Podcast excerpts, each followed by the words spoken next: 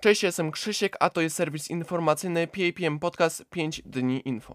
W poniedziałek minister obrony narodowej poinformował o dostarczeniu do Polski pierwszych wyrzutni HIMARS. Trafiły one do 16 Dywizji Zmechanizowanej. Minister rozwoju i technologii Waldemar Buda ogłosił zamknięcie programu Mieszkanie Plus. Szef resortu przekazał, że wynajmującym lokale wybudowane w ramach tej inicjatywy będą mogli wykupić je po przystępnych cenach. Premier Mateusz Morawiecki powiedział, że mamy na tym polu również sukcesy, ale też nie spełnił ten program naszych oczekiwań. Dlatego na konwencji PiS w czerwcu lub najpóźniej we wrześniu jednym z kolejnych punktów, które zaprezentujemy, będzie również punkt dotyczący tego, jak wzmocnić nasz program mieszkaniowy. Rząd przyjął we wtorek projekt ustawy o 14 emeryturze, będzie to już stałe świadczenie.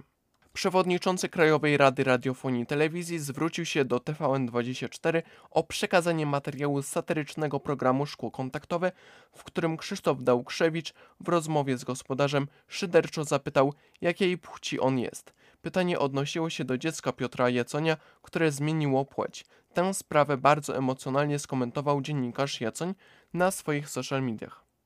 Będzie wsparcie dla linii autobusowych. Obejmie ono Rządowy Fundusz Rozwoju Przewozów Autobusowych i 1 miliard kwoty wsparcia rocznie.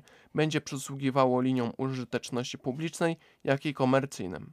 To są już wszystkie informacje, które przygotowałam na dzisiaj. Planowane są jeszcze dzisiaj stany, jeśli się oczywiście uda. Luźny monolog jest pod znakiem zapytania, a na PAPM Channel nie pojawią się co prawda ciężarówki, ale pojawią się tego tygodniowe nowinki, więc serdecznie zapraszam. Informacje w skrótowie, które się tam pojawiły, są identyczne do tych, które się pojawiły w dzisiejszym 5 dni info.